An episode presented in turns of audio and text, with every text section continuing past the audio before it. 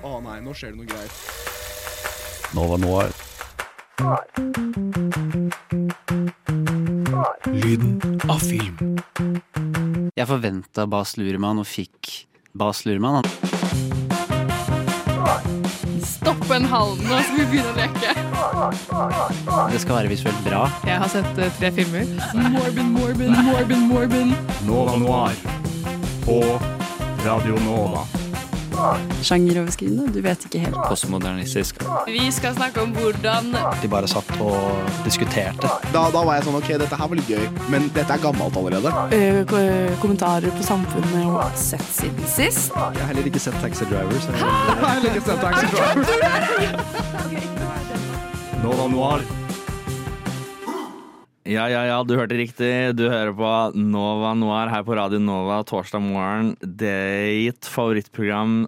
Du som sitter der hjemme, jeg ser på deg akkurat nå. Jeg vet at du koser deg. Eh, I studio i dag så har jeg med meg Arthur.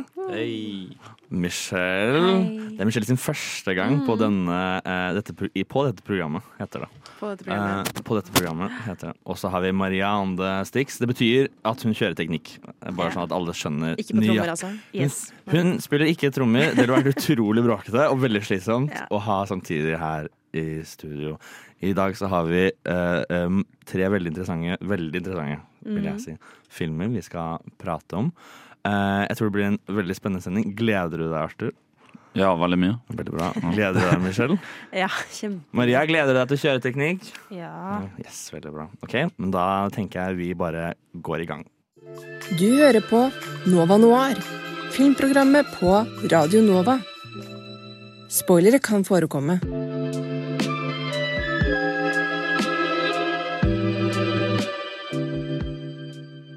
Ja, da er vi tilbake. Og eh, Michelle, som sagt, du er relativt mer eller mindre og kanskje 100 helt ny her i redaksjonen vår. Så vi tenkte å bli litt kjent med deg. Det er viktig å vite hvem eh, som anmelder filmer, eh, sånn at man kan velge på forhånd om man skal være enig eller uenig i det man sier. Så jeg tenker vi skal gå gjennom sånn fem veldig veldig kjappe spørsmål. Eh, og så må du svare så bra du kan. Hvis ikke så blir alle sure. Eh, så vi, går, vi begynner med en veldig kjedelig en. Film du elsker. En film jeg elsker. Um, Må gå unna. det er vanskelig. Ok, jeg, jeg sier Shiva Baby. Shiva Baby, Synes film du hater. Oi. eh, jeg var ikke noen fan av Uncut Gems. Uncut Ge- oh. OK. Men jeg, jeg ga den tre stjerner da, til tross, Ja, men jeg var ikke særlig stor fan. Tre stjerner er ganske mye. Man må, Jeg man må vet. revurdere stjernebruken Man sin må på det, men Letterboxd. jeg klarer aldri å gi fem stjerner. Jeg klarer aldri å gi én. Nei, ikke sant. Der ser du. Vanskelig. Eh, skuespiller du vil skal spille deg i en film om livet ditt. Mm, eh, vet du hva? Apropos dagens sending, Rachel Wise tror jeg hadde vært veldig god på det. Mm, Ville vi kommer tilbake til den etterpå. Eh, Outrosang på slutten av filmen om livet ditt. Sånn siste sånn derre Du oh, går sånn langs en, en vei, sangen begynner, og så kommer credits. Dette er skikkelig teit, eh, men jeg tenker på Aline, eh, som var med i The French Dispatch. Eh, men ikke The French Dispatch-versjonen, som er Jeg vil høre. Kan du synge litt for meg? Uh. Nei, det kan jeg ikke, for den er på fransk. Eh, så jeg kan ikke fransk. Men okay. uh, originalversjonen av Christophe, tipp topp låt. Okay, okay, okay, ok. Jeg kan godkjenne spørsmålet selv om du ikke eh, svar med. Selv om du ikke sang. Eh, og hvilken regissør Hva er en av dine favorittregissører, og ville du brukt den regissøren til å regissere filmen som du skal spille i? Oi. Eller som skal handle om livet ditt? Um, jeg er veldig glad i Wes Anderson, uh, men jeg ville ikke hatt han. Jeg ville heller hatt um, han eh, som regisserte uh, Mackay. Mackay skulle jeg gjerne hatt til å regissere mitt liv. Jeg elsker Hvem er det som regisserte Å ja, Adam ja. Ja, Riktig. Om det er det ene. Tusen hjertelig eh, takk til eh, deg. Hvis vi har eh, relativt god tid, så tenker jeg kanskje vi kan ta eh, de tre siste spørsmålene på Arthur også. Ja, Eh, så okay. skuespiller som du vil skal spille deg i en film, Arthur? Uh, Brad Pitt. Kjempesvar. eh, Outrosang på slutten av filmen. Og uh, Venner for livet. Halvdan Sivertsen. Sikkert. koselig. Eh, og eh, favorittregissør, og vil du at den regissøren skal eh, eventuelt regissere filmen om livet ditt? Uh, Favorittregissør er vel Sidney Lumet, men hvis jeg ville hatt en som skulle lagd en om livet mitt, så er det Guy Ritchie. Han hadde Helt bra. Det er så det bra svar. kjempesvar. Ja. Veldig bra. Jeg vil også at Brad Pitt skal spille meg. Sett siden sist. Sett siden sist. Sett siden sist. Sett siden sist. Sett siden sist.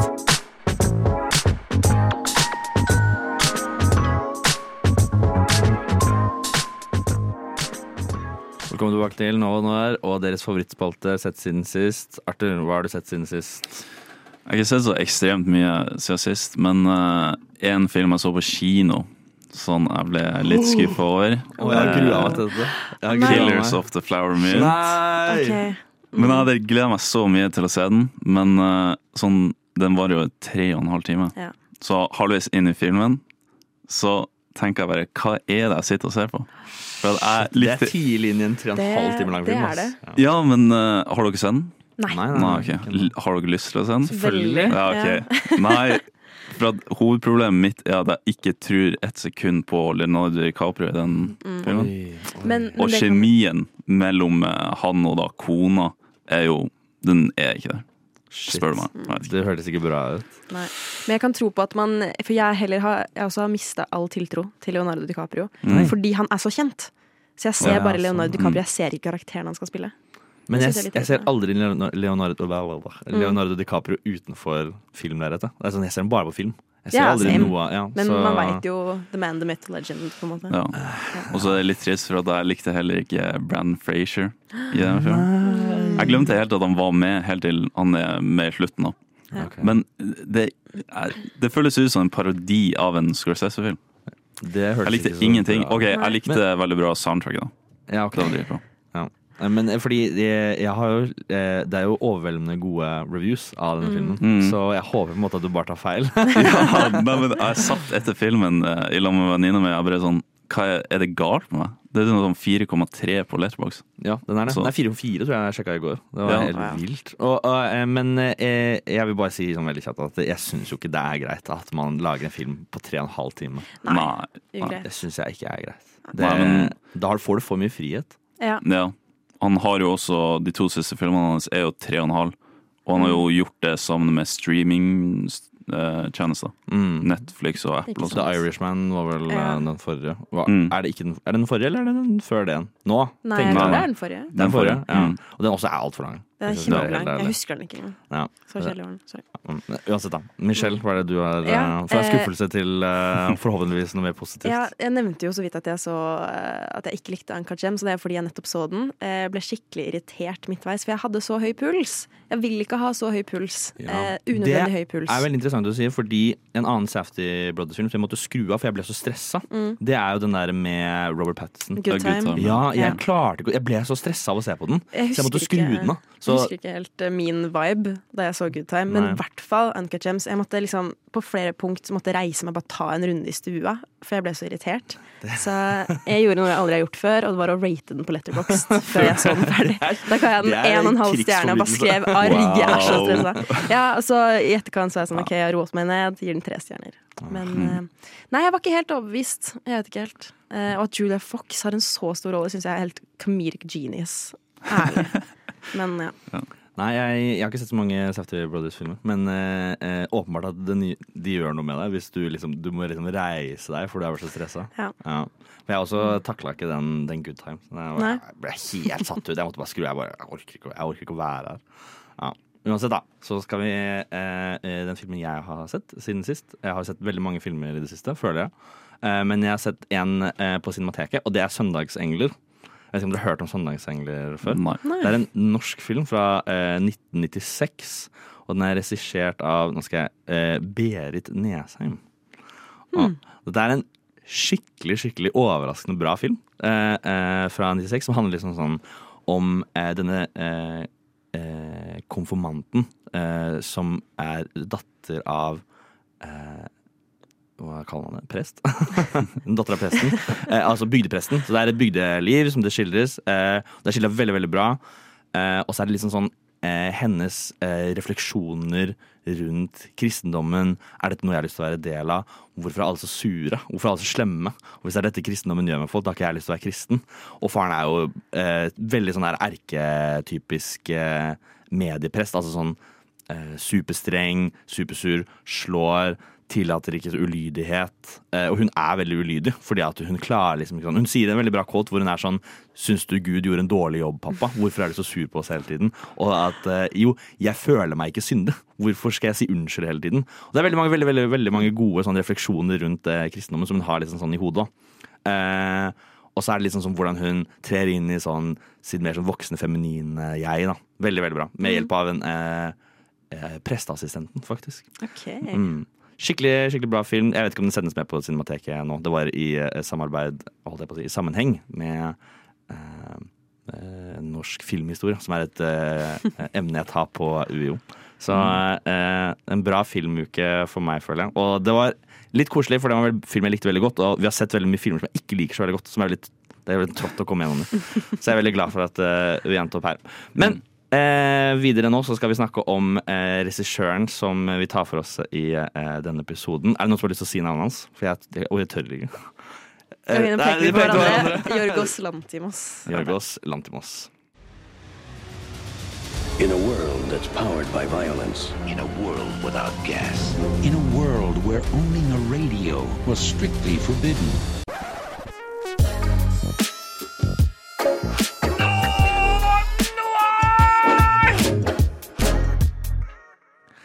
Hallo, det er fortsatt torsdag. eh, Det er fortsatt rundt sånn titiden, og du hører fortsatt på eh, Nova Noir. Eh, nå skal vi til første temastikk i, i dagens sending, og da skal jeg introdusere litt sånn regissøren vi skal snakke om, og det er Jorgos Lantimos. Vi nevnte navnet hans kjapt tidligere. Og litt av grunnen til at vi eh, velger han, er fordi at to i studio er litt engasjerte på eh, akkurat denne Jeg har aldri sett noen av filmene til han før, og vi kommer til å høre litt om hva jeg syns om filmene hans senere. Eh, men han eh, er jo aktuell med en ny film eh, nå, 'Poor Things'.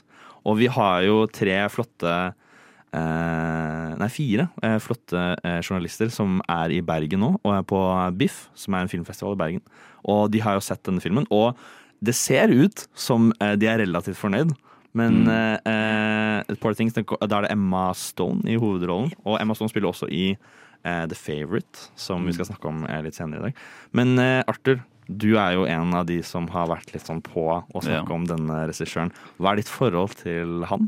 Hvordan, og hvordan, hvordan, hva er den første filmen du så han, og når var det? Uh, det var The Favourite, tror jeg. Uh, det var sikkert i sånn 2020 eller noe sånt. Eh, den så jeg én gang, og så tenkte jeg egentlig ikke noe på det. Helt til jeg fikk anbefalt av filmlæreren min Dogtooth. Sånn er hans, eh, en av hans mest kjente. Den er jo på gresk, da. Og den uh, satte sine spor.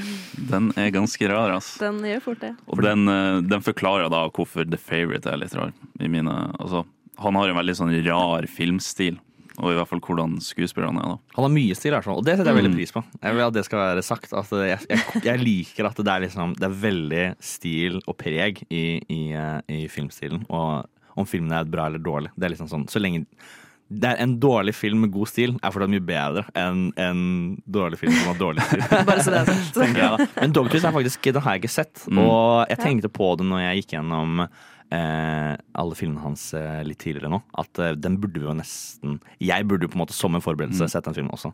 Men eh, det ble det ikke til denne gangen. Kan du glede deg til, da? Ja, jeg gleder meg ekstremt mye. Spesielt siden jeg er på gresk, og jeg snakker gresk.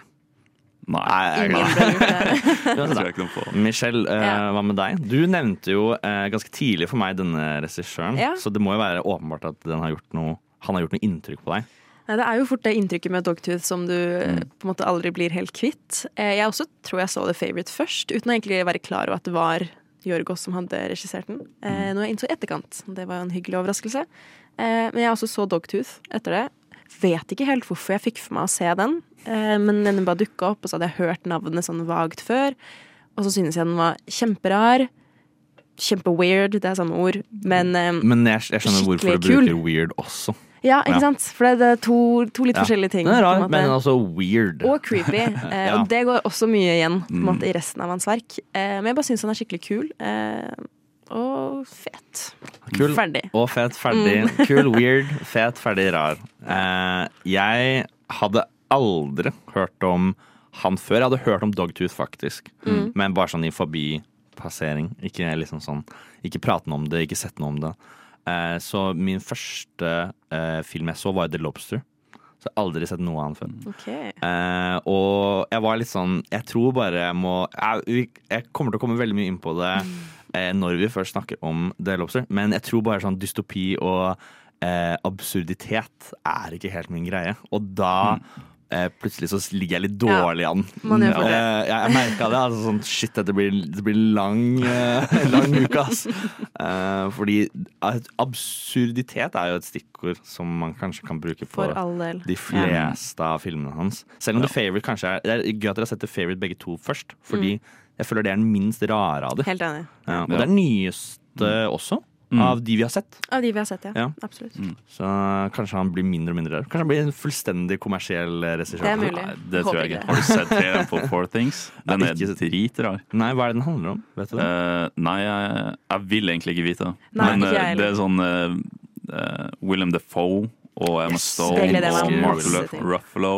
Ja, Ja, det er jo- Ruffalo, selvfølgelig. Stacked cast. Men den, Ja. det er jo A24, så Ja. den, ser jo, den er veldig stilfull, da. Vet du hvem som har produsert de andre The filmene? Favourite er faktisk Searchlight. Okay. Så jeg, og da, da skjønte jeg Det er det første du ser, og det var sånn OK, det setter stemninga for resten av filmen. Ja, det blir rart. Ja.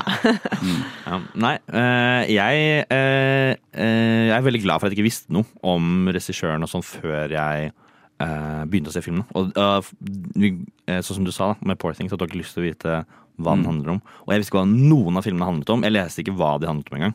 Jeg bare satte de på. Og så, jeg tror det er egentlig en ganske god idé med tanke på at du blir veldig utfordra i filmene til å liksom finne ut hva som foregår.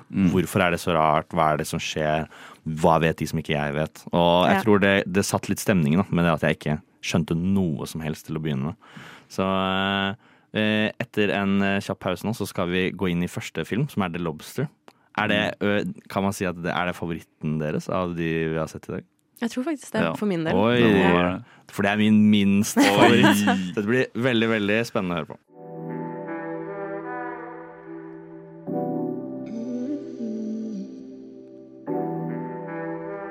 Nova? Nova? Nova Noir? Fucka med noen filmer i det siste? Har du fucka med noen film i det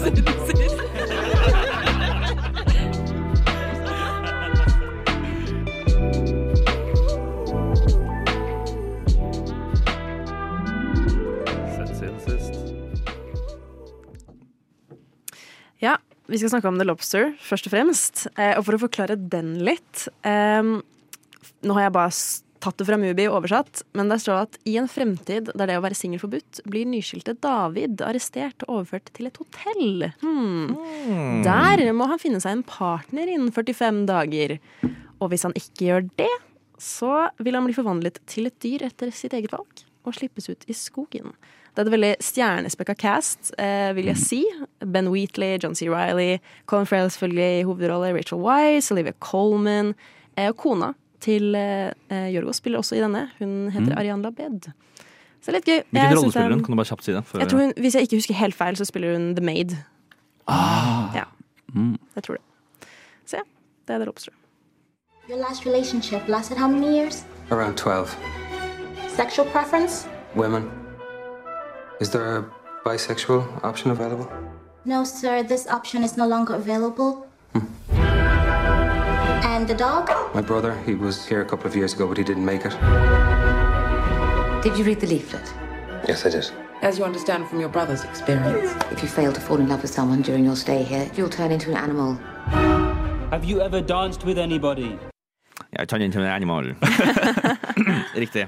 Eh, eh, for en speisa eh, situasjon. Han blir jo Mm. arrestert fordi at det er ikke lov til å være Jeg, Ja, det er jeg ulovlig, trenger rett og slett. avklaringer av dere i Ja. dag. Fordi jeg har skrevet på mine notater jeg har skrevet, 'Jeg skjønner ikke'.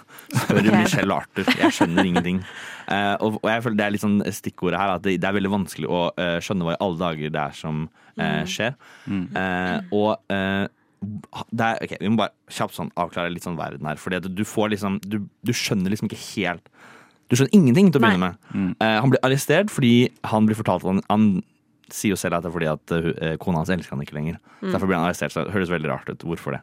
Uh, så blir han tatt til dette eh, eh, hotellet, hvor han da skal liksom bli forklart at ja, som du sa, at han blir gjort om til et dyr hvis han ikke klarer å finne seg en partner innen eh, 40 dager.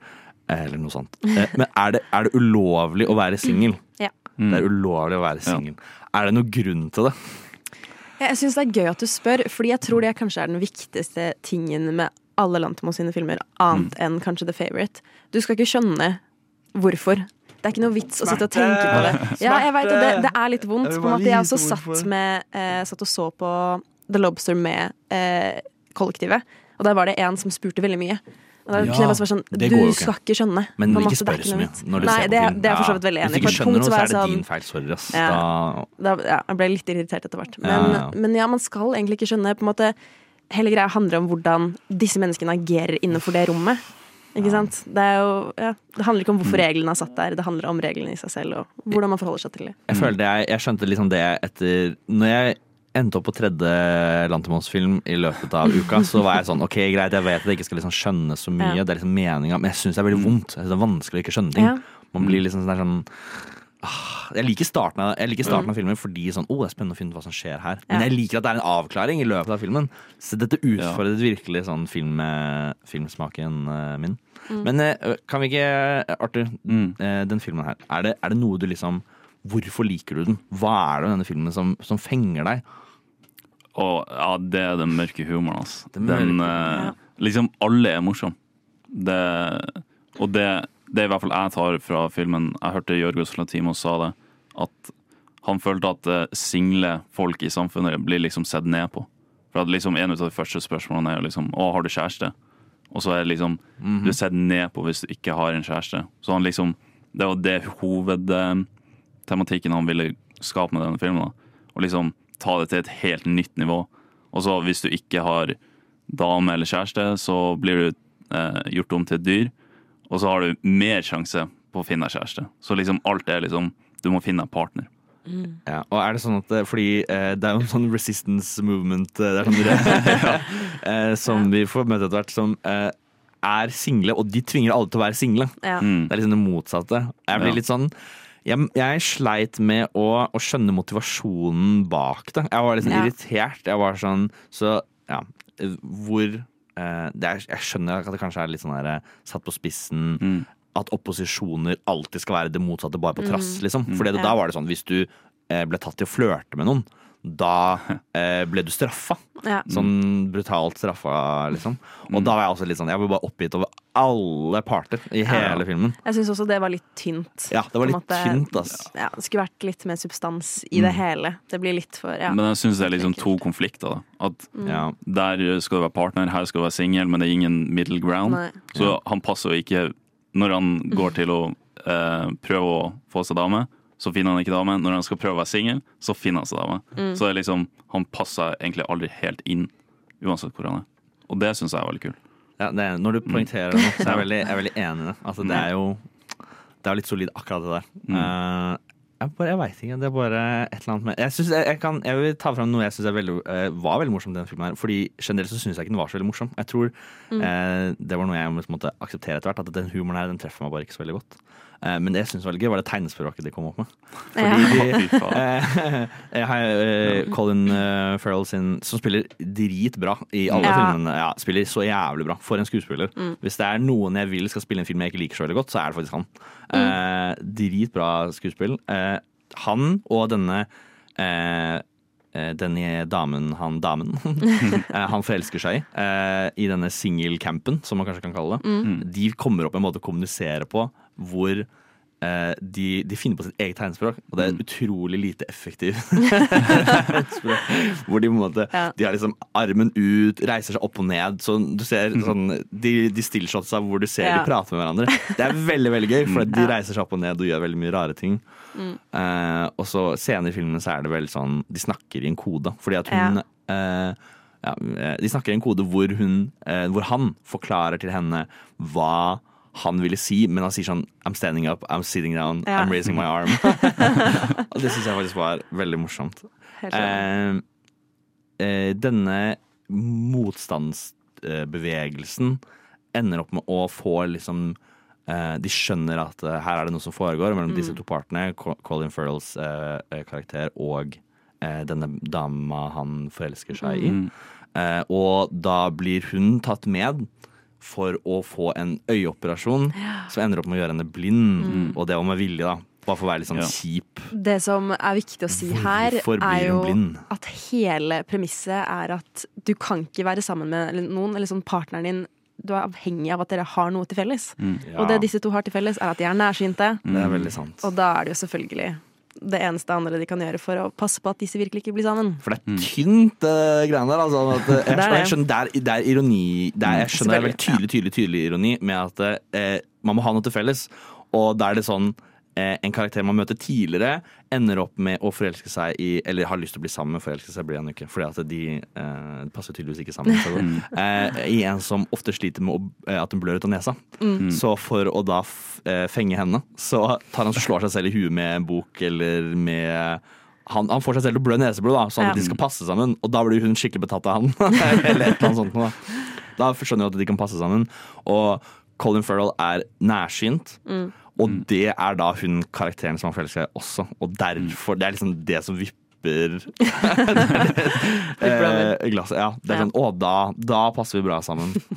Eh, og, men ja, hun blir jo blind, og da merker man kjemien bare De har ingenting å prate om lenger. Nei, ja, så det er, det er utrolig, utrolig vondt, å, vondt å se på. Er det noe uh, mer du tenker om? Hvorfor uh, Jeg vet ikke hva jeg skal si. Jeg, jeg synes bare Jeg sliter med å liksom få Mm. noe sånn grep på hvor den filmen skal hen. Hva er det Ja. den skal fortelle meg? Men kanskje vi kan snakke litt om mer om det etter en sang?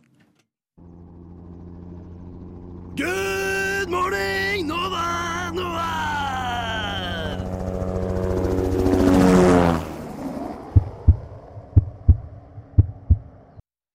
God dag, god dag, god dag. Velkommen tilbake. Vi snakker fortsatt om The Lobster. Eh, er det, en, jeg tenker, det første jeg har lyst til å si sånn veldig kjapt, er uh, musikkbruken i denne filmen er ganske interessant. Uh, og jeg elsker, jeg hyller, og jeg likte det veldig godt at eh, Og spesielt i filmer som ikke bruker musikk. Ja. Fravær av musikk er noe av det jeg liker best med liksom moderne Ja. filmskaping. Så det syns jeg var veldig, veldig bra. Er det noe dere er enig? Er det noe dere tenker rundt dette? Jeg er faktisk veldig, veldig, veldig veldig enig Tusen i det. Um, og jeg tenkte akkurat nå mens du prata, at jeg innser at det får meg til å følge med mer. Ja! Fordi da må jeg faktisk skjønne greia selv. Sånn, jeg husker da jeg og mamma så på A Quiet Place. Sånn, det var jo ikke noe grunn til at vi ikke kunne prate, men vi ble så oppslukt i hele det, og det var jo ikke noe musikk, ingenting. Måte, Så da slutter vi å prate, og da følger vi med. Da øya klistra til skjermen. Men har du musikk, så kan jeg se vekk i tre sekunder, for jeg skjønner handlingen ut ifra det musikken tilsier. Jeg vil ikke bli fortalt at jeg skal føle det jeg føler, se det jeg ser. På en måte. Jeg vil se det og føle det selv. Mm. Ja, nei, jeg er egentlig helt enig. Jeg syns noe av det beste Jorgos Latimos har, er lyddesignet hans. Mm. Hvordan han liksom. Setter opp sangene, og hvor stille det kan være. Og, ja, jeg syns egentlig Jeg er egentlig helt enig. Ja. Syns det var veldig gøy med Jeg tenkte bare på We-musikk. Dun, dun, dun. Det er akkurat samme toner. Vet Er ikke- det? Hvis, eh, hvis dere som hører på, ser på den, tenk på We-musikken. Dere Hvis kommer dere på spille med Wii gang. nå. Har du Ja. lagt filmen nå? Ta det. Det går bra, vi skal aldri se den igjen, så det er ikke noe problem. Jo, jo. Eh, nei, men jeg elsker det. Jeg syns det er så spennende. Og jeg synes det er så gøy at jeg, liksom, jeg tar meg selv i sånn Jeg hører på fotskrittene til noen. Altså, Ja. sånn, jeg følger skikkelig med når, eh, når musikken blir borte. Så er jeg sånn uh, Spennende. Hva er det som skjer? Hva burde jeg legge merke til? Det får meg liksom til å eh, Hva skal man kalle det? At jeg, jeg følger ekstra mye med for at jeg føler at jeg må finne ut av noe mer selv. Ja. Ja. Og det er jo noe han gjør veldig bra. Er jo dette med å finne ut av eh, Du skal liksom Han, han undervurderer ikke uh, seeren, og det liker jeg veldig godt. Uh, med at du blir presentert med en verden, men veldig lite av den. Og så Ja. tar han alt som en selvfølgelighet i den verden. Og det syns jeg er veldig gjennomført. Ja. Så selv om jeg ikke liker dystopi, for jeg er ikke så veldig glad i dystopi, tydeligvis. Jeg visste ikke at jeg ikke var det, men jeg er visst ikke det. Eh, så eh, setter jeg veldig pris på eh, veldig pris på det. da. En annen ting jeg bet meg veldig merke i, eh, kanskje mest i denne filmen her, av alle egentlig, eh, manuset er så sabla bra. Det er så ærlig. Det er så, de snakker så rart. Og det på en måte bidrar bare til at filmen er creepy. Ikke denne her nødvendigvis, men The Killing som vi skal snakke om senere. The Killing of a Sacred Deer. Der blir det bare creepy fordi de snakker så creepy og så ærlig med hverandre. Jeg tror ikke vi er vant med å høre så mye ærlighet i en setning eh, mellom to personer, på en måte. Eh, Det, men det, det, det gjorde at jeg venta på, på noe mer. Jeg, hvorfor er de så ja. ærlige? Hvorfor sier de dette? Og så fikk jeg aldri noe svar på det. Nei. Og da ble jeg bare, jeg ble bare sur. Jeg ble skikkelig sur. Ja, for omvendt, jeg elsket det. Jeg ble sånn Ah, jeg helt, bare- helt nydelig. Og så eh, jeg var En ting som jeg eh, tenkte på når jeg så akkurat denne filmen her, det var at eh, det er en veldig sånn Det er en absurd film. Men filmen tar stilling til sin egen absurditet i filmen. Så den er, sånn, den er selvbevisst. Og det liker jeg ikke i det hele tatt. Jeg okay. likte det ikke. Ja. Når eh, eh, Colin, sin, Colin Farrell sin karakter blir presentert med eh, etter 40 dager så må du velge dyr. Og så må du huske at du må velge dyr som eh, kan pare seg med andre. Det et Ja. eller annet sånt når de snakker om det. Fordi en kamel kan jo ikke pare seg med en hund. Det ville vært absurd. og så er det liksom, eh, ja, det er vel det. Og jeg skjønner at du, du, gjør, du sier det fordi at du skal liksom sette eh, enda større lys Ja. på hvor sykt absurd denne filmen er. Og at det der, uh, ja, og at dette, dette er veldig morsomt, egentlig. Men jeg, jeg likte det ikke. Jeg bare, nå ble jeg litt sånn Så kjipt. Jeg ble dratt helt ut av filmen. Eh, Ja. Kanskje hvis jeg ser den en gang til, at jeg, jeg hadde likt den bedre. Men akkurat der jeg var til det tidspunktet, så bare traff ikke den humoren meg. Altså. Nei. Men det er åpenbart at den gjorde det med dere, da. Ja, jeg synes uh, Noe av det sjukeste jeg har begynt å tenke på, er alle dyrene i denne verden Er dette mennesker, egentlig? Ja, enig. Og så når eh, de single driver og dreper de harene, Mm. så tenker jeg bare sånn Dreper de kanskje en som har vært Ja. i lag med de før, og så spiser de mennesker? Det var en veldig interessant Ja. tanke, og det tenkte jeg ikke på. I hvert fall når man ser alle disse andre randomme dyrene gå rundt i skogen. Når vi ser Ja. den ponnien på nytt, syns jeg var kjempegøy, som bare gjemmer seg i bakgrunnen. Og en Ja. random flamingo, liksom. Men tenker jeg sånn, setter de bare dyrene løs her i Ja, skauen? det er det, er det de Det gjør. syns jeg ikke er greit. Det gir ikke mening i det hele tatt. Hvor ville du heller hatt det? Eh, I mer sine naturlige habitater, kanskje. Ja. Men kanskje de ikke har budsjettet til å sende kameler halve verden rundt bare fordi at noen har lyst til å være det. En annen ting jeg pleier å tenke på når jeg ser sånne filmer som det her, eh, som kanskje du kan si deg litt enig i, er at sånn, jeg begynner å lure veldig på er dette bare dette ene landet? På en måte Sånn som i The Ja, Hunger Games, for ja, eksempel, ja, så er det absolutt. bare USA det er snakk om. Resten av verden, tilsynelatende, lever normalt. Ja, eller vi vet ikke noe om det. Nei, liksom. nei de, de sier aldri noe om det. Eh, Ja. Men det er liksom spesifisert at dette er USA. Liksom. Ikke i denne Mm. filmen, men i The Hunger Games. Men det er en sånn interessant ting hvis dere har lest 19, 19, nei, 1984. så eh, det blir adressert veldig tydelig. Er det sånn, Hva med resten av verden? Ja. Jo, resten av verden de er imot oss. De er det akkurat likt. De, vi slåss mot dem. Ja. Eh, og da blir det veldig sånn tydelig adressert sånn, hva resten av verden driver med. Mm. Altså sånn, Om det er sant eller ikke, det vet vi jo ikke. Men det blir i hvert fall adressert. Her så er det veldig sånn Du ser jo alt bare fra synspunktet til én Ja. karakter. Så det er veldig sånn Det er ganske liten skala Ja. i en tilsynelatende stor verden. Hvem vet? Ja, hvis du sier. Men, men, jeg vet ikke. Det, så er det noen sånne final eh, thoughts med denne filmen? Hva Kommer du til å se den igjen? Kommer du til å anbefale den? Hvem vil du anbefale den til? Oi. Eh, Jeg kommer i hvert fall til å se den igjen, tror jeg. Mhm. Ikke nå. Ti Mm. år. Ti det, år det, det høres veldig mye ut. Det høres ja. veldig, men sånn, jeg trenger ikke å se den på nytt fordi man har skjønt det. Liksom. Du skjønner alt ved første watch. Mm, ja. Liksom. Men det syns jeg er litt deilig. Eh, anbefaler til egentlig de fleste. Ja. Selv om man ikke liker det. Så har man sett det. Ja. Perfekt for familiekvelder, liksom. Familiekvelder, du det? Ja.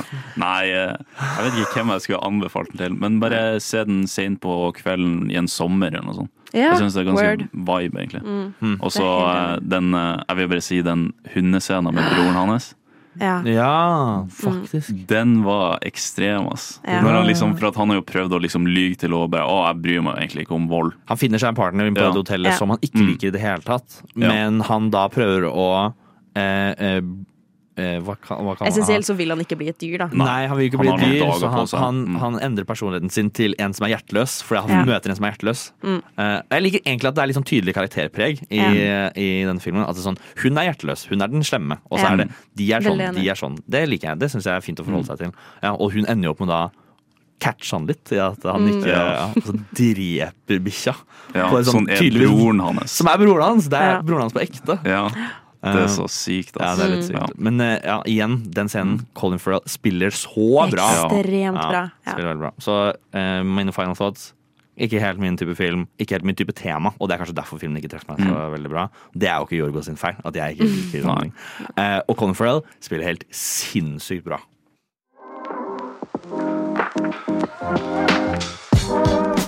Nova Noir. Film på radio. Hver torsdag 10 til 12, eller i din podkast-app når som helst.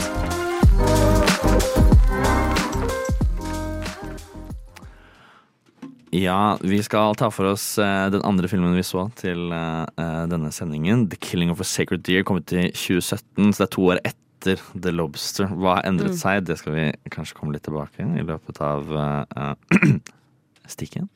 Eh, det handler om en eh, vi, følger en doktor, en doktor Stephen Murphy, spilt av Colin Farrell. Eh, igjen spiller helt fantastisk i denne filmen. Eh, som er en veldig, veldig eh, renowned eh, eh, eh, surgeon. Eh, hva heter heter for noe? Kan noen være snill hjelpe meg her? Eh. Kirurg. Ja, kirurg. Ja, på det Hjertelig selv. Ja. Eh, og eh, hans forhold til en litt yngre gutt. Og så er det liksom det som starter Hvem er denne gutten for denne personen? Eh, og mye rare ting begynner å skje.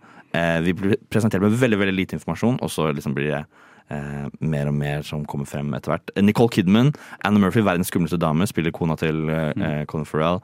Eh, vi skal høre traileren nå. Sort it out. They don't know what they heard. Strike the match, playing loud, giving love to the world. How did his father die? A surgeon never kills a patient. An anesthesiologist can kill a patient, but a surgeon never can. Cause we got the fire, fire. Don't be scared, Mom. You'll see. You won't be able to move either. But you'll get used to it. it burn, burn, burn. Where is she? What did you do to her? Og for en jævla creepy ja. trailer. Og det er jo egentlig Jeg føler traileren virkelig tydelig representerer stemningen i hele Ja. filmen. Det er en utrolig sånn eh, ekkel stemning gjennom hele, hele filmen. Eh, så det som skjer, er at vi blir introdusert for eh, denne eh, kirurgen. eh, Og hans forhold til en, en gutt. Jeg trodde Mm. først at dette kanskje var sønnen hans. Ja. Eh, og så er det åpenbart at han ikke er en del av den vanlige familien hans. Mm. Det er noen han møter sånn på fritiden. eh, etter jobb eller ja, eh, ikke samtidig som han møter familien. Eh, så jeg blir liksom veldig usikker på hvilke forhold de har. Jeg, med en gang jeg må begynne å jobbe. Jeg må begynne å jobbe. Bang, bang, bang, bang, bang. Finne hvem er denne personen, hvor er vi igjen. Ja. Uh, mye mer virkelighetsnær verden, da. altså til Mm. vår egen. Så vi ser at vi går litt mer vekk fra dystopi og litt mer inn i bare sånn en hva skal man kalle det, surrealistisk eh, Ja. tilværelse. Uh, men han blir da in invitert med hjem, denne gutten, til familien hans. Han vil at de skal møte han. Eh, det kommer litt mer frem underveis at eh, han har operert på faren til denne gutten, og faren er død. Shit, hva, Mm. hva betyr det? Og så kommer liksom Etter, etter et møte med familien, så eh, begynner rare ting å skje. Og eh, den yngste sønnen til eh, kirurgens eh, Colin Farrells karakter ender opp med å han Plutselig så kan han ikke gå lenger. Mm. Og først så tror de at er faker, men så rammer liksom samme ting eh, dattera hans. Og ja, er det, det jeg føler det setter ganske stemningen for hva som skjer i denne filmen. Eh, sykt ekkel film! Ja. Ja, det er litt sånn, det er en skrekkfilm, bare den akkurat ikke er en skrekkfilm. Ikke sant? Det er litt sånn thriller eh, Litt sånn thriller-basert. Og så, de blir jo sykere og sykere, og sykere, og det er åpenbart at denne eh, gutten har noe med alt dette å gjøre. Fordi han er 100 bevisst på hva som kommer til å skje. Med en gang dette skjer med gutten, så er han sånn Ja, ja, du visste det kommer til å skje. Du visste det kommer til å skje at Mm. dette at, Ja, ja, så nå begynner det. Altså, hva begynner nå? Jeg skjønner Ja. ikke. Igjen, da. Jeg føler jeg er liksom in the dark. Jeg blir stressa, jeg blir sliten, Ja. jeg blir sur. Jeg, det er jo noe gjør jo denne regissøren med meg. Og Ja. med, Om det er positivt eller ikke, det veit jeg ikke. Hva er, hva er deres inntrykk av denne filmen, Arthur? Hva er det du liksom Likte du den? Syns den var dårlig? Nei, du kan kanskje ja, men du likte det Nei, eh, jeg, sy jeg syns uh, lyd, lyden der er dritbra.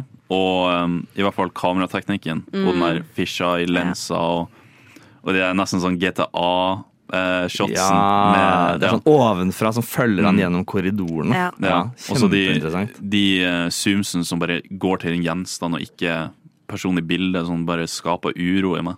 Og så Mm. selvfølgelig den eh, introscenen med det Ja. hjertet. Ja, Som faktisk, ja, det var faktisk ekte hjerte. Var det det? Ja, Oi. med Oi. Colin Farrell var inne der mens det skjedde og sånn. Oh. Sykt fett. Det er sykt. Mm. Privatklinikk, for å si det sånn. det, det hadde ikke gått i Norge. Mm. Ja. Om nei, Michelle, hva tenker du? Jeg eh, innser på en måte nå som jeg reflekterer rundt den på nytt, at jeg faktisk liker den bedre enn jeg trodde jeg gjorde. Mm. Ja, Um.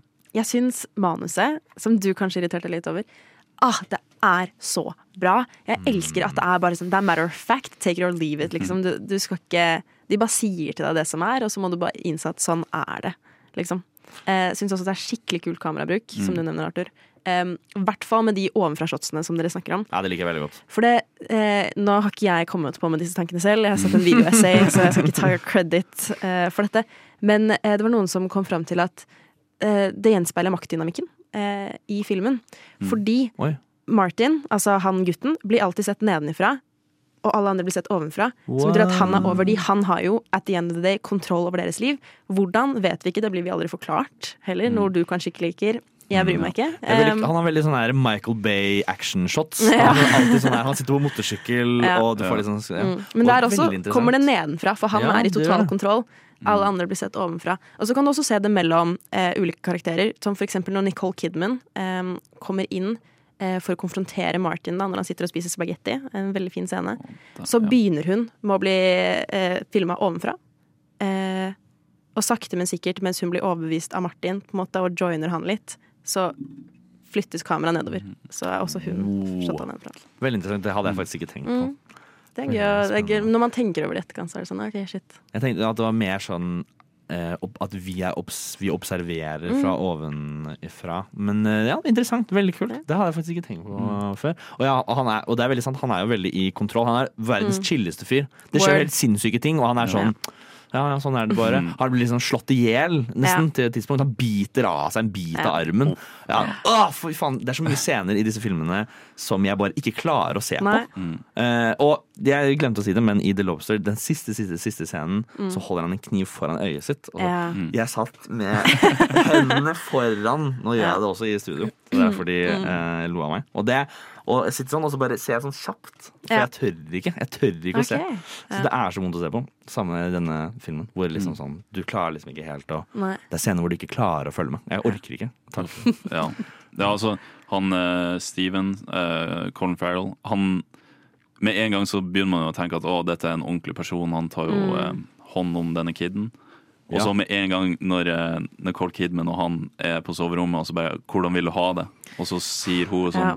Full narkosis eller noe sånt, og så Mm. legger hun seg bare på senga. Mm. Det var vanskelig å se på. Veldig spesielt. Det er jo en ting vi ikke har snakket om i det hele tatt, og det er jo Jorgos Lantima sitt forhold til sex. Åh, For og han, hender, hender. hvert fall Ja, men i, du har jo ikke sett Dogtooth, eh, men så se den, for Mm. det er den sykeste av de. Ja. På en måte. Eh, men også her så ble jeg litt sånn jeg ble litt, Noen ganger så fikk jeg sånn Å, gud, når det var snakk om mindreårige, sånn eh, når, ah, Det var jo det verste. Når datteren eh, gjenspeiler moren Ja, og legger skulle- seg foran Martin si det, på samme måte. Ja. Da ble jeg sånn ah, Egentlig veldig kult grep, men jeg fikk litt sånn Murakami-vibes. Så jeg var sånn, ah, jeg vil ikke se det. På en måte. Jeg vet at dette er galt. Og det er Jorgos Mm. Lanthus veldig god på. Å få oss til å føle veldig veldig uttrykk. Han er litt sånn Han er glad i hender som Tarantino er glad i føtter. Og det er mye slikking av hender og snakk om Ja, hender. for det er det jo The Favourite ja, også. det er det. Og det er liksom bare sånn putte hender i munnen. Og Ja. det er liksom Mm. sånn Gjør hva man vil på soverommet, det er liksom greit. Men jeg, jeg blir litt sånn Jeg syns det er veldig Det er sånn rart presentert. Jeg, Mm. ja, jeg synes Ja, det er litt weird weirda ut av det. Jeg føler at det, det er liksom et eh, symbol på Steven, at han er liksom Det er hendene. Han er så Ja. alltid rein på det og alt det der. Han har ikke skitne hender. Mm. Og så etter så vidt hvert i også den stødige hånden til en kirurg. På en måte. Ja. Han er alltid også i kontroll, tilsynelatende. Ja, og så når hun mora til eh, Martin eh, begynner å slikke på hendene hans, det var faen meg Ja, det var ekkelt. Også er så kjempegøy å se Alicia Silverstone i en film annet enn Clueless. Er kjempegøy. Åh, åh. Det gikk helt over hodet mitt. Altså. Jeg merker at jeg er den eneste ja, jenta. Maria skjønte Er du med på den? Maria nikker. Ja, Maria nikker. Altså. Ja, nei, gutta her i hjørnet, vi bryr oss ikke om Sykt. Sykt høyt. Vi gjør faktisk ikke det. Uh, nei. Eh, jeg, ja, det er helt enig. Sexen i disse filmene er veldig Mm. spesielt. Eh, det er mye av det. Og jeg elsket egentlig litt den scenen hvor hun gjenspeiler moren. Ja. Og da kan man begynne å spekulere litt sånn Er det fordi hun har liksom sett dette skje? Ja, er dette noe vanlig? For vi ser ikke Mm. noen andre ha sex på noen annen måte. Nei. Så kanskje dette bare er sånn de har sex i denne Ja. verden. Det er. Mm. uh, nei, er det noe mer sånn filmatisk dere tenker sånn uh, akkurat nå, som dere satt pris på? Ja. Eh, Fravær av musikk, selvfølgelig, Ja. i eh, denne filmen. I denne filmen så er det mye mer sånn Jeg føler musikken er mye hardere. Den er mye, sånn Ja. den er mye skarpere. Den griper mye mer inn i, i handlingen. Og jeg, jeg liker det mindre. eh, men jeg liker, det gjør også at liksom, de gangene hvor det er helt stille, det liker jeg enda mer. Mm. Men eh, det går også litt tilbake til dette med at det er en veldig Den minner meg veldig om skrekkfilmer. Mm. Med at de Ja. bruker veldig mye av de samme virkemidlene. Eh, lange stille shots hvor det følger noen. Mm. Du ser liksom de ovenfra og gå. Ja. Du føler deg litt sånn sånn Oi, er, hvilket perspektiv er det jeg har? Eh, men Og så er det altså, sånn, veldig sånn skrekkfilmete ting som skjer. Hereditary blir jo nevnt altså, som et ord, da. Ja. Men det, jeg føler det sånn umiddelbart får meg inn på Ja. sånn skrekkfilmtanker. og da ser jeg filmen fra veldig sånn skrekkfilmperspektiv. Og jeg synes, jeg hater skrekkfilmer. Og jeg blir eh, Dette er liksom min grense av Ja. Ok. Ja, mm, faktisk. Okay. Ja. Så mer enn dette, det orker jeg ikke. Nei, det er lov. Nei. Vi kan snakke litt mer om eh, hva vi syns om eh, filmen eh, litt etterpå. Eh, jeg er veldig interessert i hva dere eh, har å si. Om dette er, hvor denne ligger kanskje sånn i rankinga av filmene vi har sett i dag. Du lytter til Nova Noir. Ja, ja, Vi fortsetter på 'Killing of a Sacred Deer'. Og eh, det største dilemmaet i denne filmen her som vi blir presentert med sånn underveis, eh, når, vi, skal vi se, når vi endelig får lov til å vite litt mer av hva som skjer, er jo at han må velge en i familien å drepe. Mm. Eh, og det blir presentert som en nesten sånn selvfølgelighet fra Martin sin side, som er denne gutten som han møter. Og er sånn, du må velge, Det blir mer, eh, mer smerteløst om du bare gjør det med en gang. Du må bare velge en, Det er ikke så farlig. liksom. Bare Mm. gjør det. liksom. Ja. Det, er, det kommer til å være chill når du er ferdig. Ikke tenk på det. Eh, og det er jo selvfølgelig ikke det. Det er jo dritstress. Eh, og måten han velger på, er at han til slutt eh, For alle vil jo dø. Eh, Tydeligvis, da. eh, Hvis han ikke velger en å drepe. Eh, så han binder alle sammen fast i stua og kjører en liten sånn blindfold, snurrer rundt og skyter. Eh, og til slutt så eh, dreper han kan- eh, det jeg lurer litt på Filmen heter The Killing of a Sacred Deer. Han bruker en jaktbørse for å, å, drepe familiemedlemmet sitt, som han liksom til slutt da ender opp med å drepe. Så det er åpenbart at det er en sånn jaktreferanse. Sacred, Deer bruker en, en jaktrifle. Hvem er The Sacred Deer? Jeg skjønner ikke hva, hva er det for noe? Eh, nei, altså Sier alle at de vil dø? For at jeg tror en av de ikke sier det. nei, Og det- eh, det gutten? Ja, Ja. At han, han aldri sier det. For at Nei, men Eh, mora også? mora sier eh, Ja, mora sier 'drep sønnen'. Nei, ja, mor, mor, nei, moren ville drepe dattera. Nei, jeg Ja. mener jeg. Fordi Ja, Ok, hun sier 'jeg vet at det er vondt, men jeg tror det gir mer mening å drepe et barn'. Jeg kan Mm. få et nytt barn. Det gir mest mening om du dreper et barn. Mm. Eh, sønnen begynner å klippe håret fordi Ja. han er en veldig ulydig sønn. Ja. Eh, og blir liksom, han blir liksom plutselig sånn Shit, jeg har kanskje ikke vært den beste sønnen. Ja. I, uh, nå må jeg gjøre en sånn siste innsats, og han klipper håret. Ja.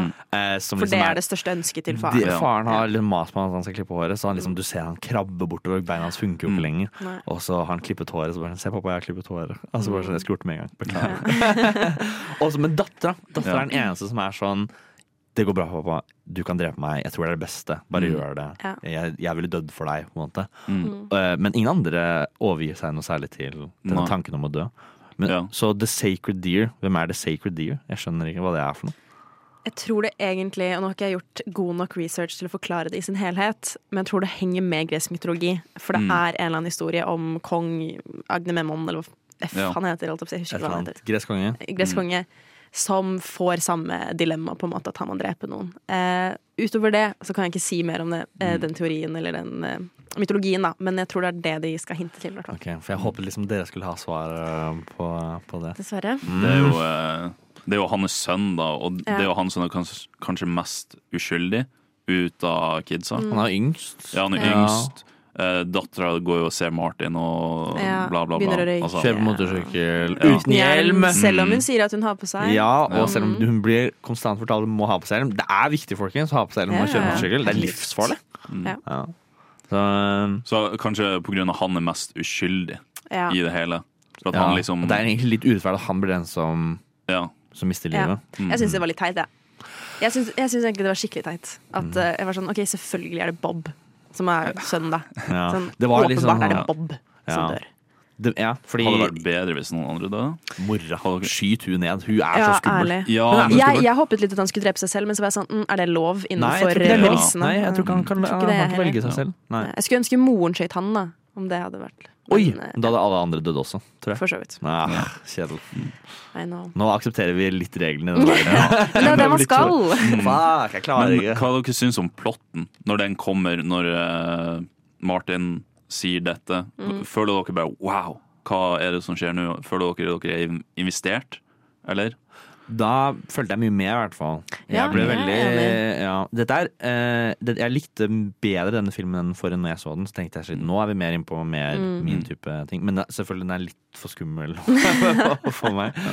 Men ja, jeg blir veldig investert, og jeg, blir veldig, jeg får veldig lyst til å finne ut hva som skjer. Og jeg, jeg Mm. føler det er Gjennom hele filmen så er jeg sånn Jeg har lyst til å vite hva som skjer. Lyst til å vite hva som Ja. skjer jeg lyst til, eh, til slutt så bare får jeg ikke vite nok til at jeg Ja. blir fornøyd. Og at det er litt av problemet. Men føler- ja, der og da kjempeinvestert. Jeg føler jeg blir mer overbevist. På en måte. overbevise om at ok, jeg ser på en film. På en måte, ok, Mm. dette er det som skal skje. Eh, før det så er det litt sånn vagt. Du skjønner ikke helt premisset, du skjønner ikke helt hva vitsen er med det Mm. hele. Noe man for så vidt egentlig aldri gjør. Men eh, hvert fall når man får det punktet der, da er det liksom et vendepunkt. Da skjønner jeg ok, det er, dette, det er denne stien vi skal ned. På en måte, og det syns jeg er veldig gøy. Mm. Vi har jo snakket litt, Arthur og jeg, Ja. om eh, Martin, eh, som spilles av Barry Keegan. Jeg er jo veldig glad i Barry Keegan. Um, han eh, spilte jo i Banshees of Inisherin nå nylig, også sammen med Colin Farrell. Som, han gjør en helt fortreffelig rolle i den. Kjempebra. Han er kjempeflink Så jeg syns han bare var søt gjennom hele Jeg likte han han så godt. Han er aldri søt. Jeg syns han aldri er søt noensinne. Jeg syns han er så Nei, han er høflig. skummel. Han er skummel. Nei, han er bare søt. Han er Det er bare noe- dritskummel, ass. Han har bare en liten quirk. Mm -mm. Ja. Bra, jævlig bra casting. den filmen, ass. Han, bra. han er jævlig creepy uten å han er, han er bare høflig, Mm. han er bare snill, allikevel supercreepy. Ja. Mm. Mora også er liksom sånn relativt Hun gjør ingenting som, som tilsier at hun skal være farlig, Mm. men hun ser på meg med, ra, med de skumle øynene sine. Der har jeg en liten avsporing. Eh, angående Det har ingenting med saken å gjøre, egentlig. Men Barry Keegan snakker jo amerikansk i denne her. Han er jo egentlig irsk. Mm. Colin Farrell snakker irsk. Ja, hvorfor det? Ja, men jeg har ikke noe tror, imot det. jeg, jeg tror det er fordi at de ikke skal ha et så nært forhold. At De kan ikke begge snakke irsk, for da ville man automatisk Antatt. tro at de har noe? At de er blood related. Det Eller, ja. Men det som irriterer meg, er Nicole Kidman. To this day, alt jeg har sett Nicole Kidman i, hun har aldri overbevist meg som amerikaner. Du Aldri. hører den australsken gjennom, Jeg og det irriterer meg mer enn noe annet. Serr? Ja. okay, nei, jeg bare hører skikkelig ja, australsk. Enig i at jeg hører en sånn jeg hører en, Det her er ikke dialekta di. Nei, det og er da ble jeg bare sånn du irritert. Jeg sa det til Arthur i på redigeringsrommet her på Nova. Sa jeg at eh, jo mindre det er til hinder for handlingen, som eksempel hvis Barry Keegan hadde snakket irsk, så hadde vi jo antatt noe om han Ja. som hadde ødelagt for plotten, for det er, stemmer jo ikke. Mhm. Men sånn, hun kunne snakket australsk. Absolutt 100 Hvorfor snakker han irsk, liksom, eh, Colin Farrell? Han får lov til å snakke irsk i alle filmene, han. Ja. Er det står det i kontrakten hans eller noe? Det er helt sikkert. Raideren står det, skal snakke irsk. Ja. Nei, men da, da ble jeg litt sånn irritert. Ja, det skjønner jeg faktisk. Ja, hun, er bra hun ikke hadde så mye replikker. Fordi Ja, eh, hun hadde ikke så bra ja, Jeg er enig. Hun er ikke en overbevisende amerikaner. Eh, det var noe jeg kjapt skulle si på slutten, så glemte jeg det selvfølgelig. Det Som jeg alltid gjør. Eh, men Arthur, hva syns du om, hva syns du om denne filmen? Uh, nei, altså selve plottet når han sitter der og får det liksom Du må drepe en av en i familien din. Fram til det punktet så var jeg veldig interessert på hva er det som foregår, hvorfor, Ok. eh, bla, bla, bla. Med en gang det skjer, så får du liksom med fakta. Nå skal dette skje. Og da var liksom en og en halv time igjen av filmen, og jeg bare Dette syns jeg ikke er interessant, egentlig. Vet du hva? For Jeg det- kan si meg enig i det. Ja, for det blir liksom Og at uh, hun, eh, kona, hun Ann, uh, hun ble jo aldri påvirka. I det Nei. hele tatt. Hun Det tenkte aldri jeg ja. også på. Det gikk jo så kort tid Mm. mellom sønn og datter. Så tenkte jeg ok, men nå må jo hvilket sekund så må jo hun falle om også, da. Ja. Og så gjorde hun ikke det. Ja, og det irriterte forstår. meg litt. Det er jeg Ja. enig i. Det irriterte meg litt. Grann. Uh, og en ting jeg syns var litt kjipt, var jo at uh, han Jeg føler dette hadde vært en mye mer spennende film, samme premiss, hvor en far som hadde vært litt mer involvert i barna sine, Ja. hadde blitt presentert med denne, dette dilemmaet. Mm. Fordi det virker ikke som han tenker noe særlig over det. Altså sånn, Han benekter det veldig lenge, og det er for så vidt greit, men når det kommer jeg, jeg føler det er for lite eh, reflektering rundt hvem man skal drepe. Mm. Og så ender han opp med å ta en veldig sånn feig utvei med Ja. å, å uh, bare velge en helt random. Og så blir det selvfølgelig ikke den man Jeg, jeg vil jo se at han eh, dreper dattera. Dattera Ja. er jo den eneste som på en måte Mm. overgir seg, som er sånn 'du kan gjøre det med meg'. Mm. Men det er jo også den eneste han er egentlig glad i, virker Ja. det som. Det virker som han er så veldig glad i de andre. Nei, ikke det hele eh, tatt. egentlig. Ja. Ja. Nei, det var i hvert fall uh, The Killing of a Sacred eh, Deer. Eh, snart skal vi få lov til å snakke litt om The Favourite, som er, var min favoritt. Terningkast fire. Terningkast fire. Terningkast fire. Terningkast Terningkast fire. Terningkast fire. Og det blir terningkast fire. Birger Vestmo, er det deg? The Favorite av Jorgos Latimos. Eh, det dreier seg om dronning Anna, som er spilt av eh, Olivia Colman, som styrer over England mot krigen mot Frankrike. Eh, hun har et nært forhold til Sarah Churchill, spilt av Rachel Weisz. Og så helt til eh, kusina hennes Abigail kommer til slottet, som er spilt av eh, Emma Stone. Eh, og så er den en politisk kostymedrama. Politisk kostymedrama. Høres veldig bra ut. Favor is a breeze that shifts direction all the time. Then, in an instant, you're back sleeping with a bunch of scabrous whores. It turns out, I'm capable of much unpleasantness. Did you just look at me? Look at me! How dare you! Close your eyes! I could not just stand by and let you destroy me. You are enjoying all of this, aren't you? Oh, it is fun to be queen sometimes. If you do not go, I will start kicking you. Wow, mye lyd. Veldig bra. Jeg føler det representerer faktisk filmen ganske greit. Det er veldig mye Ja. som foregår i den filmen. Veldig mye, veldig mye rot. uh, hva er det som skjer? Er det, skal vi utdype litt det, kanskje? Arthur? Ja, dronning Anna hun er jo en eh, veldig syk dronning. Mm. Eh, det er jo egentlig en ekte person, og det er ikke så masse historier om hvordan hun var som en dronning. Så alt dette er jo oppdikta. Ja, det gjetter jeg på. Ja, Det er veldig rart som skjer. Ja, altså får hun ikke unger. Hun sliter jo med å få unger. Hun prøvde seg 17 ganger. 17 ganger, 17 ganger. Ja, og derfor har hun 17 kaniner, for Ja. å representere alle ungene hun egentlig Mm. skulle hatt. Så har hun et nært forhold til hun eh, Sarah Churchill. Mm. Um, og så da kommer jo Emma Stone, Abigail, til slottet. Og det er det vi på en måte følger, da. Eh, Emma Stone, og hvordan eh, forholdene deres er, da. Sånn. Krangler jo egentlig om å være the favorite, da. Ja, til dronninga. For å ta den litt on the nose. Ja. Mm. Det er jo ikke bare et nært forhold, da. Eh, for å si det sånn, så er det jo litt sånn lesbianism eh, involvert. Det er mye hender som blir eh, Igjen hender. Ja, hender er i i kjeft. sentrum. Hender i kjeft. Det er Mm. tydeligvis en, den største kjærlighetserklæringen i uh, Jorgos sin Mm. Det er det man vet at de virkelig elsker hverandre. Uh, ja, nei, hun Ja, de er jo uh, eh, Hun styrer jo veldig lite selv, denne dronninga. Mm. Så hun har jo denne Churchill-karakteren. Er det Churchill hun heter? Ja. Hvorfor? Jeg syns det var rart å høre hva hun heter. Eh, Men eh, ja. Det er i hvert fall det er denne karakteren som på en måte egentlig styrer landet Ja. for henne. Eh, og mannen hennes er jo en av disse rødkledde som på en måte vil representere på en måte én side av partiet, som er Ja. for krigen. Mm. Og så er det de blåkledde som på en måte representerer eh, den siden av partiet som ikke er for krigen. Og så er det. Men eh, ja, så hun er da eh, kona ikke til statsministeren, men til da en general som tilhører det røde partiet. Mm. Så hun er veldig for krigen, og hun Ja. styrer veldig politikken etter hennes ønsker. Eh, og dronningen har veldig lite med dette å gjøre. Altså Hun blir veldig Ja. manipulert til å eh, Til å gjøre som Ja. Churchill. Eller bare, bare la hun gjøre egentlig hva faen hun vil. Uh, helt til da denne Ab Abigail kommer. Hun spiller spillet jævla bra. Ja. Mm. Eh, og jeg veit ikke om hun har motivasjonen fra starten av om å eh, om å liksom ta over posisjonen som favoritten, eh, eh, dronningens høyre hånd. Men, eh, for det virker ikke sånn i starten i det hele tatt. Nei. Det virker bare som hun er en person som griper sjanser når hun ser dem. Ja. At hun er, hun er Veldig. veldig smart, hun er Ja. veldig lur, hun er dristig. Og så bare når sjansen blir presentert, så spiller hun det veldig bra. Mm. Eh, for jeg, jeg, jeg, jeg mangler rett at hun har motivasjon til å gjøre alt det hun gjør i starten. Men jeg føler hun Mm. ut, Motivasjonen hennes utvikles med liksom, historien. Ja, Mm. det er veldig sant. Jeg syns man merker det veldig med en gang. I hvert fall at hun har den her stå-på-viljen. At eh, Mm. hun er veldig god på å adapte, eh, tilpasse seg situasjoner, eh, som du sier. Med en gang hun møter da eh, sin kusine, altså spilt av Rachel Wise, Sarah Mm. Churchill, eh, så har hun jo Hun er jo veldig skitten eh, og leter etter en eller annen jobb innenfor hoffet, da.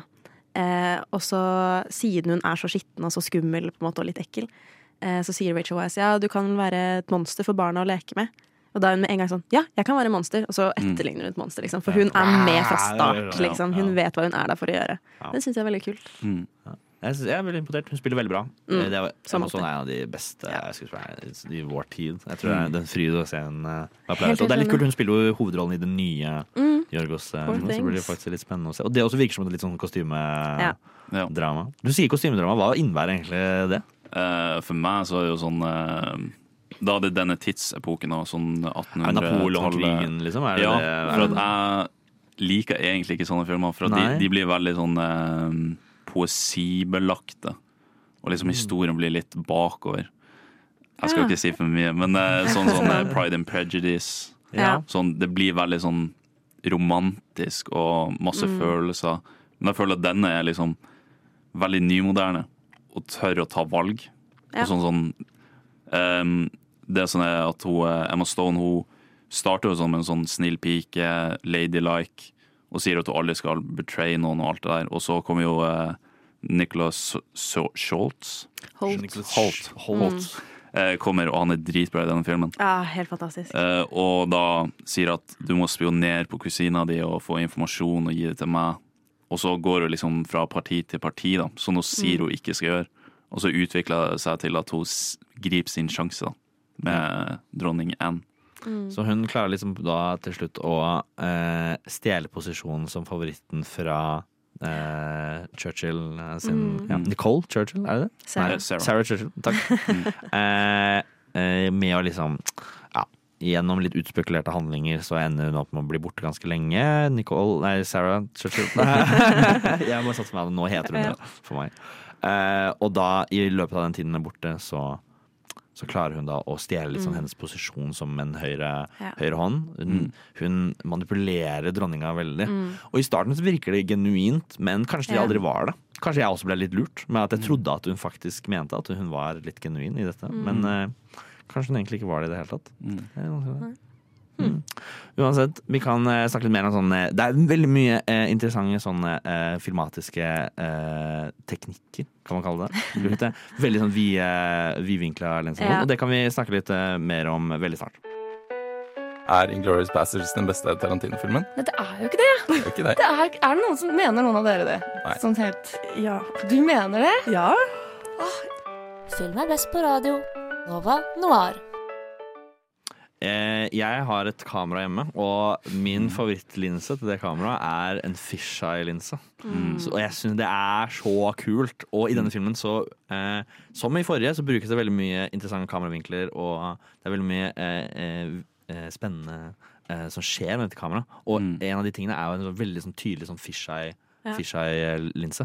Mm. Når er den brukes, og hvorfor brukes den? Er det noe av det som har gjort opp noen tanker om det? Eh, Hvorfor det? Hvorfor har man en sånn fisheye-linse? Jeg vet egentlig ikke helt. Jeg føler ikke den gir noe til filmen annet enn at det er kult. Men han er jo veldig glad i å på en måte gi oss et veldig stort overblikk. Og på en måte, altså Jorgos Lantimos, da. Eh, Ja. liksom gjøre det at det handler ikke om menneskene, det handler om hele situasjonen rundt. på en måte. Mm. I hvert fall i The Killing of a Sacred Deer og The Lobster så er det mer det, men akkurat her usikker. Jeg føler det nesten var en sånn parodi på froske... For når man går på barneskolen, så lærer man at er sånn, Å, det er froskevinkel. Ja, ja, ja. Eh, og en av de gangene han bruker denne fisheye-linsa, er jo unnifra. Altså sånn, Du ser ganske sånn nedenfra opp. Så jeg føler det er nesten en sånn, sånn veldig tydelig parodi på Mm. eh, froskesynsvinkel. Hva heter det froskesynsvinkel? Hva kaller? Froskeperspektiv, Fros- Froskeperspektiv, tusen takk. Ja. Jeg veit ikke hvorfor det brukes, men jeg legger veldig merke til det. nå Ja. Kanskje det er litt sånn for å få sånn Husk å følge med, da. Det er Ja, kanskje kanskje det. Kanskje. Eh, eh, vi skal kanskje ikke hoppe helt til slutten enda. Er det noe i handlingsforløpet vi eh, har lyst til å ta fram? Ja, det er liksom de karakterene med Sarah og uh, Abigail. Mhm. Sånn, de bytter jo I starten så liker jo man ikke Sarah. I hvert fall jeg gjør ikke det. Nei. Og så når hun da forsvinner, hun blir uh, forgifta og havner på et horehus, Mhm. så snur liksom Forresten, eh, havner på et By the way. ja, ja. Og får det der arret. Um, Ja. Så skifter hun litt igjen Mm. og blir ekstremt uh, streng mot dronninga. Og eh, tar fram de brevene og sier at jeg skal Hvis du ikke eh, hører etter meg, så skal jeg gi det her til avisene. Og det er det brevet som et kjærlighetsbrev som, Ja. som dronninga har skrevet. Veldig til- seksuelt. Så da Mm. vil de liksom miste tilliten hennes, hun liksom prøver hardt mot hardt. Ja. Uh, og Det så- funker jo ikke. Nei, Nei. det, det var det siste. Men uh, men må jeg bare, bare. Nei, nå, ja. selvfølgelig mista jeg det. Og så syns jeg den, eh, den karakterutviklinga til Abigail Mm. At hun liksom starta veldig sånn Hun er jo på kanten. Hvis hun ikke Ja. lykkes, så liksom. Hvis hun ikke lykkes, så liksom havner hun på gata, og Ja. hun er liksom Hun er gift en gang før. Eh, Ja. ja. Jeg husker faktisk ikke Ja. Det. tror ja. For at de sier at å, du har uh, solgt uh, Ja, men jeg hun følte ble- hun ble bare eid. Hun var ikke, hun gift, tror jeg. Hun var bare eid av to tyskere eller et eller annet sånt. En, en eh, Thick German with a thin cock. Ja. Ja. Thick German with a thin cock. Ja. Ok, ja. så da tror jeg jo ekteskap, da. Nei, eh, men så, så går jo Hun blir jo mer og mer inn. Hun blir jo tatt av kusina si og blir handmaiden. Mhm. Og så ser hun på en måte sjansen sin Ja. når, midt på natta, og så begynner hun å ta på beina. Og så, for at hun har jo catcha de, eh, Sarah og dronninga, Ja. med å ha seg. ja, så hun eh, Så da ser hun liksom sin eh, sjanse og liksom går imot kusina si. Og da hun, Jeg syns det er veldig kult hvordan hun liksom prøver å ta kontroll over sitt eget liv. Eller sånn, Mm. Hun prøver sånn virkelig Når hun eh, blir kasta ut av kusina si, og så sitter hun i gangen og banker seg sjøl Ja. Mm. og begynner å gråte, det, det var litt ukomfortabelt å se på. Altså. Ja, litt ukomfortabelt. Det er veldig mye ukomfortabelt. Jeg føler ukomfortable eh, situasjoner er ganske vanlige Mm. i disse Ja. Og hånd, altså sånn, eh, håndjobber hvor jeg har øyekontakt med hun som gir dem, Ja. eh, det syns jeg er ubehagelig. For det var det Mm. også i da, The Killing of a Sacred Deer. Ja. Eh, hvor moren, eh, eh, Nicole Kidman, gjør det for informasjon. Ja. Og nå, i denne konteksten, så er det fordi at eh, hun ender jo opp med å få lov til å gifte seg en gang til for å bli en lady eller noe igjen. Ja. Mm. Ja. Eh, Det er liksom en del av denne schemen som hun Mm. har eh, sammen med det blå partiet, hva vi kan kalle det. Eh, For å liksom få tilbake makta på deres side. Og det funker Ja. jo. Funker kjempebra. Eh, en veldig bra quote fra Hva het han igjen? Han, eh, han eh, Nicholas Holt. Ja. Er a, A man must look pretty. Det syns Ja. jeg var så jævlig bra. For det er en, eh, I denne filmen så syns jeg det er en utrolig det, pass, det er veldig passende for denne stilen, eh, hvor de parodisk bruker disse parykkene, Ja. disse hvite parykkene, denne sminken. Veldig sånn Ja. Alice in Wonderland. Viser veldig sånn uh, Dette er åpenbart litt sånn du, Dere sminker dere, men dere ser helt idiotiske ja, ut. Litt sånn karikert. Ja, og ingen dame liker det. Nei. Helt ærlig. Word. Sorry, ass. Det er ingen som liker dette. Det er bare dere som har en sånn rar forestilling om at dere syns det her er noe fint i det hele tatt. Mm. Det synes jeg faktisk var, det var utrolig passende. Her syns jeg humoren treffer mye Ja. mye bedre for min del. Mm. Jeg vet ikke om det kanskje er fordi at vi ikke er i vår verden. Hvor jeg må Ja. ikke godkjenne Å, her Det er ting er annerledes enn det pleier å være hos meg. Ja. Mm. Eh, For nå er vi liksom i på 1800-tallet. Da er ting annerledes, kanskje. Og Mm. da syns jeg Da er det mer OK for meg at det er litt mer tullete. Ja. Og, ja. Mm. Det syns jeg er lettere å akseptere ting. Ja, uh, eh, hva syns dere med hun Sarah misbrukte uh, sin, uh, sin nære forhold til dronninga? Og liksom hvisker henne i øret og sier hva hun skal gjøre. For dronninga har jo ingen retningssans, hun bare hører Ja. på de nære henne. Og når eh, da Abigail står henne nærmest Ja. Og Abigail er jo egentlig bare ute etter makta, ikke ute etter selve å utgjøre den i England, da. Hvordan Ja. krigen skal krigføres. hun bryr seg bare om seg selv. Ja, Det- hun, hun hører jo egentlig på eh, Nicholas Holtz sin karakter. Mm. Og så um, skal vi snakke litt om slutten, for da um, ser vi jo da at uh, Sarah elsker jo faktisk dronninga. Hun har jo faktisk et uh, Ja, bånd hun bryr seg på ekte. Men Ja. Abigail har jo bare Hun bryr seg hatt Hadde sex med henne, og bryr seg ikke om dronninga et sekund. Nei, det er, det var tungt. dronninga for henne er jo en måte å opprettholde sin eh, Status, ja. status Ja. si, si, eh, den, den livsstilen hun føler hun fortjener. Mm. Eh, og altså, det skal greit sies at det er ikke noe mer hun vil ha enn det. Hun er ikke ute etter makt, hun er bare ute etter å få lov til å bare Ja. gjøre Ja. akkurat det hun vil. Det er litt. Mens da denne eh, Churchill-karakteren Mm. Hun er jo på ekte bryr seg om dronninga, og på Mm. ekte Ja. bryr seg om landet. Selv om Ja. hun virker crazy motherfucker i starten. Men hun blir jævla badass når hun får Ja. dette arret. Så Ja. går hun inn i en sånn derre Ja. Uh, Hun Det blir kostymet. Ja, det er er så så sjukt rå. jævlig kult. Hun er så sjukt rå. Jeg digger det. Og så kommer vi kanskje til slutten, da. Og den Mm. syns jeg er veldig rar. Mm. Og Som de fleste uh, uh, slutter er i dette, uh, disse filmene. Mm. Eh, hvor eh, vi ser Abigail sitte på rommet til dronninga, og en av eh, ha, harepusene, kaninene, Ja. eh, irriterer henne. Ja. Så hun tråkker på den, eller sparker til den. Ja, sånn hun- tråkka ned. ja. Aktivt kveler nesten. Å ja, ja, ok. Jeg fikk ikke helt ille, ja. Mm. Og så eh, eh, legger dronninga merke til dette, og hun bare å, faen. Ja. Jeg tror du ikke legger merke til det. Hæ? Hun hører noe, i hvert fall. Ja, men For at hun bare detter ned på gulvet og blir irritert. Hun sier det i hvert fall ikke til henne. Nei, nei, hun sier ikke til, men hun, hun ser det også. Jeg, jeg, jeg, jeg tolket det som at hun så det, og at det var derfor hun skulle reise seg opp. Og fikk litt panikk. Ja, Ja. For hun innså oh shit, nå har jeg på en måte okay, kuttet alle ties med min egentlig bestevenninne og Mm. Ja. kjæreste, på en måte. Mm. Eh, Bestevenninne, kjæreste, Bestevenninne, kjæreste, som eh, rådgiver. Ja. Og, og, og eh, Abigail går til dronninga, reiser henne opp, eh, dronninga blir rasende. Hun får en av disse sinneutbruddene som hun har liksom, i løpet Ja. av Som er litt, eh, hva skal man kalle det eh, De kommer litt ut av ingenting, og så blir de veldig Mm. sånn De blir hysteriske. Mm.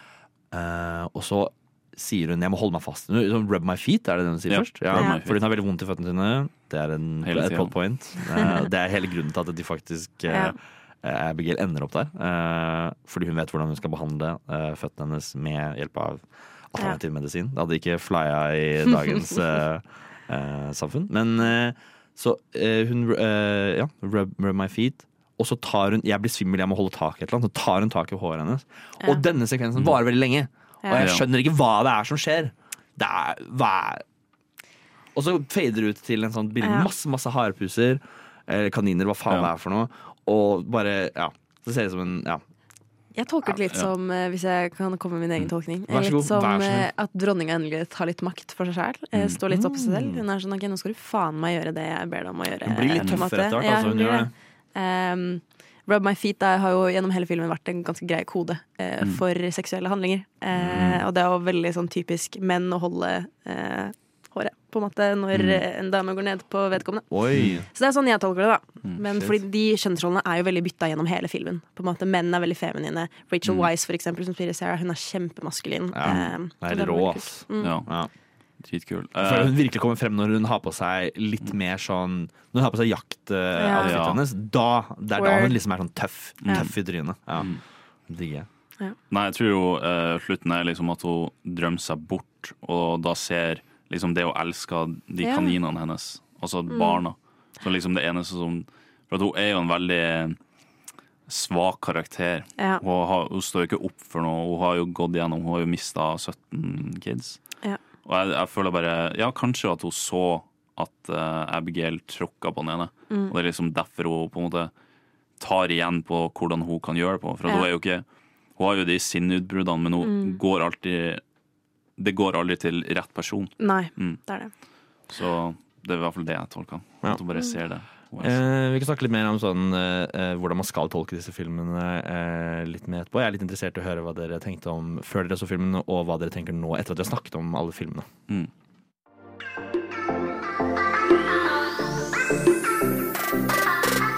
Du lytter til Nova Noir her på Radio Nova.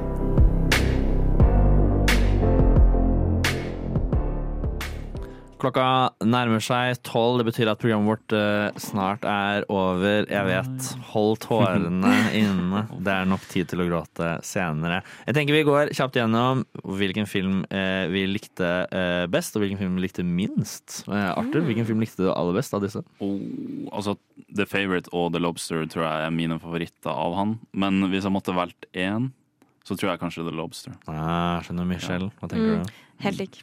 Ah, ok. Da antar jeg at uh, The Killing of a Sacred Deer var den minst favorittene. Ikke at jeg ikke likte den. på meg. Nei. Jeg tror kanskje eh, jeg vil si The Killing of a Sacred Deer er en eh, midt på treet for meg. I, også The Lobster likte jeg absolutt minst. The Favourite var min eh, vinner for eh, dagen. Eh, The Favourite, den vant jo Hva var det? Ti? Den var nominert til ti Oscar. Den vant ikke ti Oscar. Sorry, sorry, sorry. Det var ikke det jeg mente. Og alle Abigail, Sarah og uh, dronninga ble jo alle nominert. Ja. Men det var bare én som vant, da. Ja, Ja, det var det, bare, det kan bare være én Ja. vinner. Og den var verdig, for å si det sånn. Absolutt eh, eh, verdig. Er det noe dere tenker sånn før dere så disse filmene, hva inntrykket deres var, og har det endra seg nå etter at vi har prata om, om alle filmene? Arthur? Ja, altså Det første jeg så, tror jeg var faktisk traileren til Lobster, når jeg huska tilbake. Og da husker jeg at dette var en jævlig rar eh, trailer. Og så Mhm. tenkte jeg denne må jeg se, og det var jo sånn 2015. Og når jeg så den, så ble jeg helt eh, Eller jeg så The Favourite først, da. Og da ble jeg med en gang eh, Det er jo kostymedrama, men det ble gjort på en så rar måte med de fishene og sånn. Ja. Så jeg ble positivt overraska. Mm. Mm. Hva med nå, etter at vi har snakka om det? Um, er det noe du liker mer eller mindre? Ja, jeg, jeg liker humoren hans, så det er Mm. derfor jeg kanskje ikke liker Sacred Deer. På grunn av den er jo Det er ingen humor. Det er ikke noe morsomt i det hele tatt. Nei.